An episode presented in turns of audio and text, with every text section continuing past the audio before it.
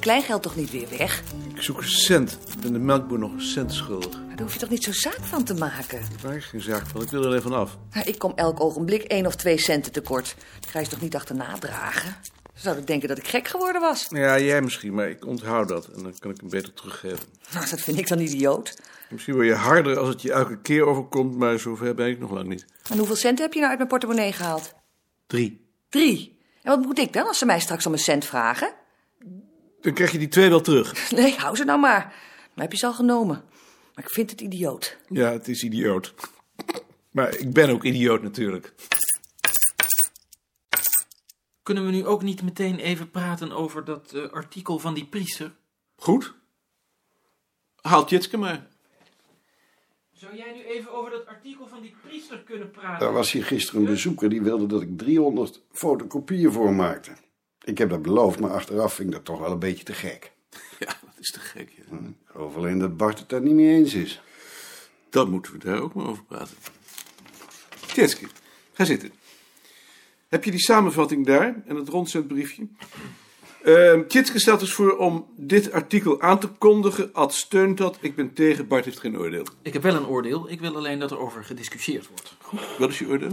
Dat ik het onjuist acht dat bij de keuze van artikelen voor aankondiging kwaliteitsnormen worden gehanteerd. Ik ben van mening dat alles moet worden aangekondigd. Dat standpunt kennen we. Je hebt het al een paar keer verdedigd. Maar het is alle keren met alle andere stemmen tegen verworpen. Zodat het nu niet aan de orde is. Daar ben ik het dan niet mee eens. Het is best mogelijk, maar het is de realiteit. Behalve jij is er niemand die dat praktisch vindt. En toch is het naar mijn mening het enig juiste standpunt. Het kan wel zijn, maar het is niet aan de orde. Het is nu wel aan de orde. Als jullie niet op het standpunt stonden dat de kwaliteitsnormen dienen te worden aangelegd, dan zouden we nu deze discussie niet hebben. Maar we hebben deze discussie nu. We hebben met de grootst mogelijke meerderheid besloten om wel kwaliteitsnormen aan te leggen. We moeten dus beslissen over de kwaliteit. Dat kan ik niet. Je hebt dus geen oordeel. Ik heb wel een oordeel. Je legt me weer iets in de mond wat ik niet gezegd heb. Ik heb alleen geen oordeel over de kwaliteit. Goed, je hebt geen oordeel over de kwaliteit. Dan stel ik nu dus de kwaliteit aan de orde. Daar protesteer ik dus tegen. Dat kan, maar dat is geen reden om de kwaliteit niet aan de orde te stellen.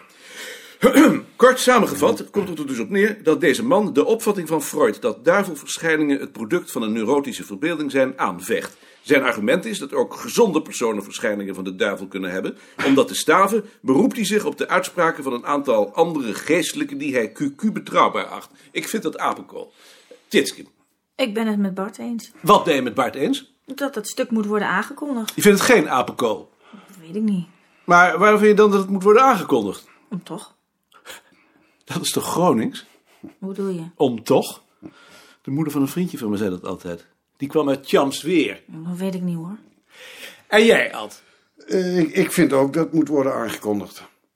Ik begrijp jullie niet. Die man beroept zich op priesters om te bewijzen dat de duivel echt bestaat. Dat is net zoiets als aan een dominee vragen of God bestaat. Ja hoor, God bestaat, het bewijs is geleverd. Dat is toch nonsens? Dat kun je toch niet serieus nemen? Ik neem het ook niet serieus, maar ik vind het wel interessant dat iemand zoiets zegt. Als het van een marxist was geweest, dan zou je het wel hebben aangekondigd. Maar nu het van een priester is, maak je ineens bezwaar. Je bedoelt dat boek van die Duitser over het boerenhuis. Dat zou ik niet hebben aangekondigd. Dat wil zeggen, als ik kwaliteitsnormen had moeten aanleggen. Maar daar ben ik dus tegen. Maar dat is een verdomd goed boek. En waarom? Omdat die man belangstelling heeft voor de invloed van de sociaal-economische omstandigheden op de cultuur. Als dat marxistisch is, dan ben ik ook een marxist. Zie je? En daar maak ik nu bezwaar tegen, want dat is niet objectief. Goed.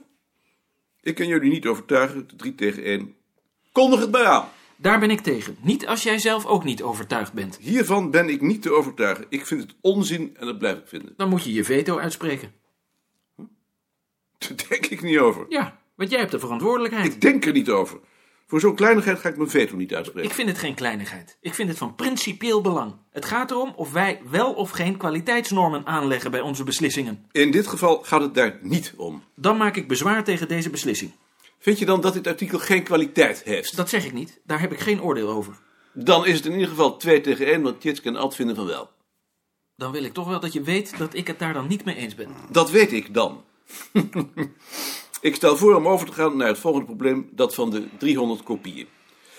Eh Ad, moet Tjitske er ook bij zijn? Daar zouden we Manda en Joop er ook bij moeten halen. Ik hoef er niet bij te zijn. Laten we het dan eerst maar eens met z'n drieën bespreken. Als het consequenties heeft, dan breng ik het wel in de vergadering. Goed? Ik vind het best. Ad, Eh, Er was hier dus gisteren een man die mij gevraagd heeft om een boek voor hem te fotocopiëren. Een boek van 300 bladzijden. Ik heb dat beloofd, maar achteraf vond ik dat eigenlijk te gek. Maar Bart is het daar geloof ik niet mee eens. Nee, daar ben ik het niet mee eens. Waarom niet? Ik vind dat als wij besloten hebben om de mensen die zich hier met een of ander verzoek vervoegen van dienst te zijn, dat we dan ook iedereen moeten helpen. Niet de een wel en de ander niet, dat is willekeur. Het ene verzoek is het andere niet. Dat maakt voor mij geen verschil. Ad, hoe lang zou je erover doen? Geen idee. Hoeveel van die kopieën maak je in één minuut? Twee? Ik wil het wel even proberen. Nee, dat hoeft niet. La- laten we zeggen twee. Eh, dat is eh 300. dus Tweeënhalf uur. Idioot. Ik ben wel eens twee dagen bezig geweest met een verzoek. Ik zie niet in waarom een ander dan geen 2,5 uur aan een verzoek zou kunnen besteden. Dat is een verzoek om inlichtingen. Dit is geen inlichting, dit is handenarbeid. Dan laat je het door een van de dames doen.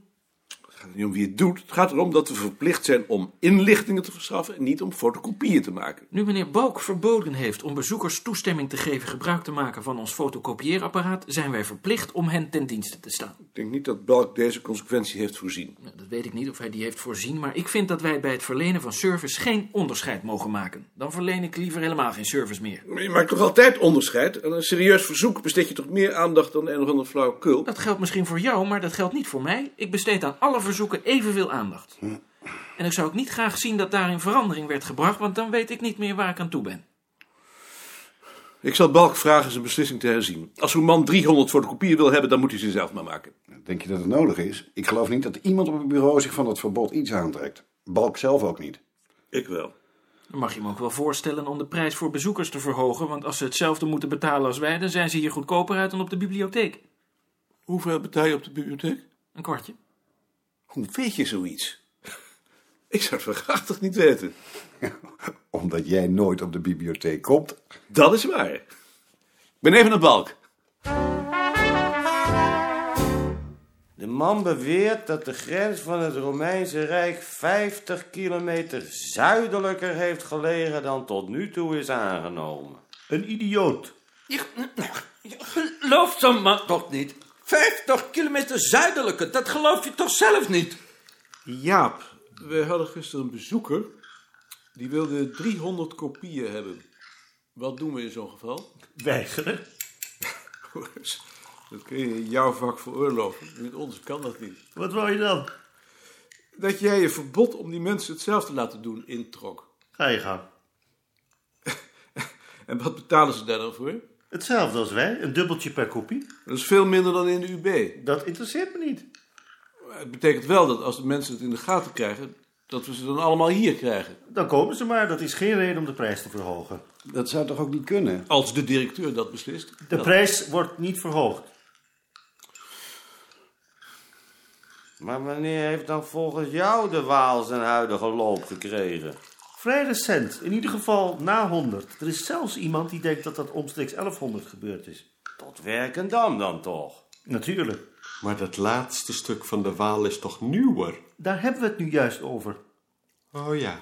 Dus u moet niet zeggen maar, u moet zeggen want.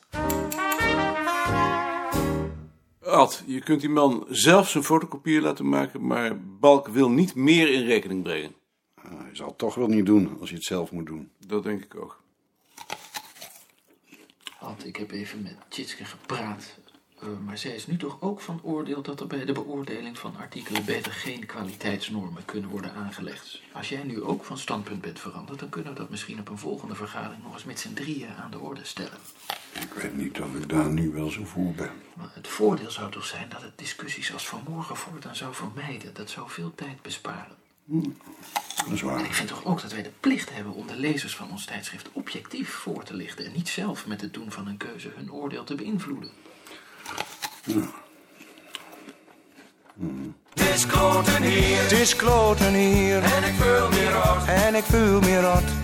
Als ik nog langer zo moest leven, dan was ik binnen het jaar kapot. Met koning Met Heidi. Heidi. Nou, je begrijpt het al wel, hè? Ad is ziek. Wat heeft hij? Hoofdpijn. Hoofdpijn. Dat zal wel van het harde werken komen, hè? Dat, eh, dat weet ik niet, hoor. Erge hoofdpijn? Nou, behoorlijk. Hij kan haast niet uit zijn ogen kijken. Dat is rot. Weet je wat je dan doen moet? Dan moet je een ijszak voor hem maken. Dat doet Nicoline ook altijd. Een ijszak? Plastic zak met blokjes ijs erin. En dat weer in een tweede plastic zak en dan in een washandje. En, en helpt dat? Het gaat er niet van over, maar zolang je die zak op je kop hebt, voel je hem minder. Nou, ik zal het overbrengen, maar ik zie het hem nog niet doen. Laat het hem maar eens proberen. En wens hem beterschap. Dank je. Ad heeft hoofdpijn. Dat zal toch niet van die discussie zijn gisteren? Het zal wel van die lezing over het verhaalonderzoek zijn waar hij mee bezig is. Ik vind ook dat hij dat beter niet had kunnen aannemen.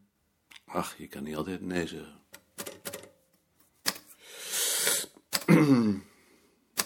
Broodkeuren in de 16e eeuw. Heb jij nu ook de indruk dat er steeds meer Turken en Marokkanen komen? Ja, die indruk heb ik ook, ja. Denk jij nu dat die mensen hier gelukkig zijn? Nee, dat denk ik niet. Nee, ik ook niet. Ik vraag me wel eens af of ze zich ook ooit echt Nederlander zullen gaan voelen. Misschien over 100 jaar. En dan nog. Lijkt me toch heel erg om altijd in een vreemd land te moeten wonen. Ik moet er niet aan denken. Brood 1572. Alleen dat idee dat de watergeuzen nooit een begrip voor ze zullen worden. Begrijp jij dat nu van die rellen in Schiedam? Ja. Maar als ik zoiets zeg, dan wordt Nicolien heel boos. Die vindt dat racisme. Dat is aardig van Nicolien. Je hoort zoiets niet te begrijpen. Ik vond het ook heel aardig van die matroos van de Zuiderkruis die geld is gaan inzamelen voor die Turken. Maar je hebt niets gegeven. Nee, daarvoor vond ik het toch weer te vrijblijvend. Nicolien heeft 100 gulden gegeven. Dat vind ik ook heel aardig. Ja. Maar wat begrijp jij daar dan van? Je moet je natuurlijk wel in die mensen verplaatsen. Een van die Turken had een blanke jongen doodgestoken. Ik geloof het de kermis. Dat begrijp ik wel.